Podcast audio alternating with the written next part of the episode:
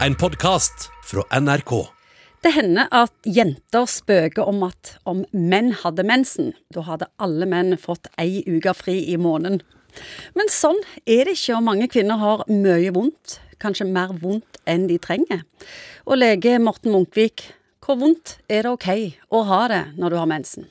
Ja. Og hvorfor har vi menssmerter? ja, Det er jo òg en av de tingene som jeg tenker var litt unødvendig, kanskje. Jeg skjønner at man eh, må blø fordi eh, man legger til rette for et eventuelt befrukta egg skal feste seg, og da trenger man at det er miljø for at det skal feste seg. Men smertene som følger med, det trengte man jo egentlig ikke. Man, man, kan, man kan mene det man vil. Kvinnen har noe vondt. Hvorfor har noen så ekstremt kraftige og nesten uutholdelige smerter, mens andre knapt kjenner det? Ja, denne mekanismen med at livmoren trekker seg sammen eller avstøter vevet som skal ut, noen kjenner det godt, noen kjenner det knappest. Hva er den beste medisinen mot menssmerter? Veldig individuelt. Noen takler jo menssmertene uten medisiner. Andre bruker Paracet og syns det er greit, mens gullstandarden, for å kalle det det, er jo blitt sånn Brexidol eller ikke-steroide antiinformatoriske stoffer som ofte tar smertene. Og hvis man ikke kommer i mål der, så er det noen som har god smertelindring av å regulere mensen med p-piller. Eller p-stav eller spiral, som gjør at man blør mye mindre og noen mister blødningen fullstendig. og Da forsvinner òg menssmertene.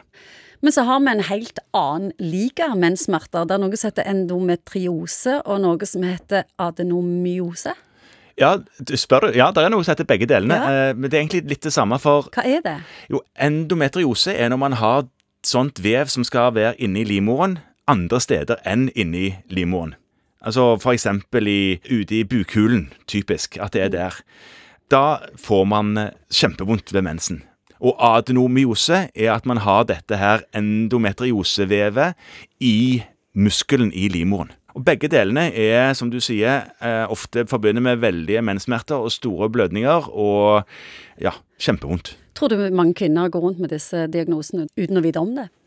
Det er nok en del som har det, ja, og man merker kanskje ikke og man blir kanskje ikke utreda for endometriose før man blir ufrivillig barnløs, fordi de har ofte en utfordring med å få barn, de med endometriose. For det er jo så mange som opptil 10% tror jeg, som har endometrioseproblematikk. Og jeg tror ikke det er så mange som går rundt og vet om det som det. Får kvinnene nok eh, håper jeg, kred eller respekt for denne lidelsen? Nei, jeg tror kanskje ikke at menn forstår dette her. De tenker jo på menstruasjonen som en sak som kvinner bare må igjennom.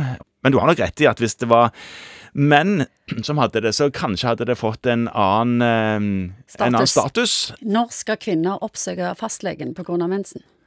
Ja, Hvis det er sånn at en må være vekke fra skole eller arbeidsliv pga. menssmerter, så går det an å diskutere om det er tiltak å gjøre som kan bedre tilstanden. Du har hørt en podkast fra NRK. Hør flere podkaster og din favorittkanal i appen NRK Radio.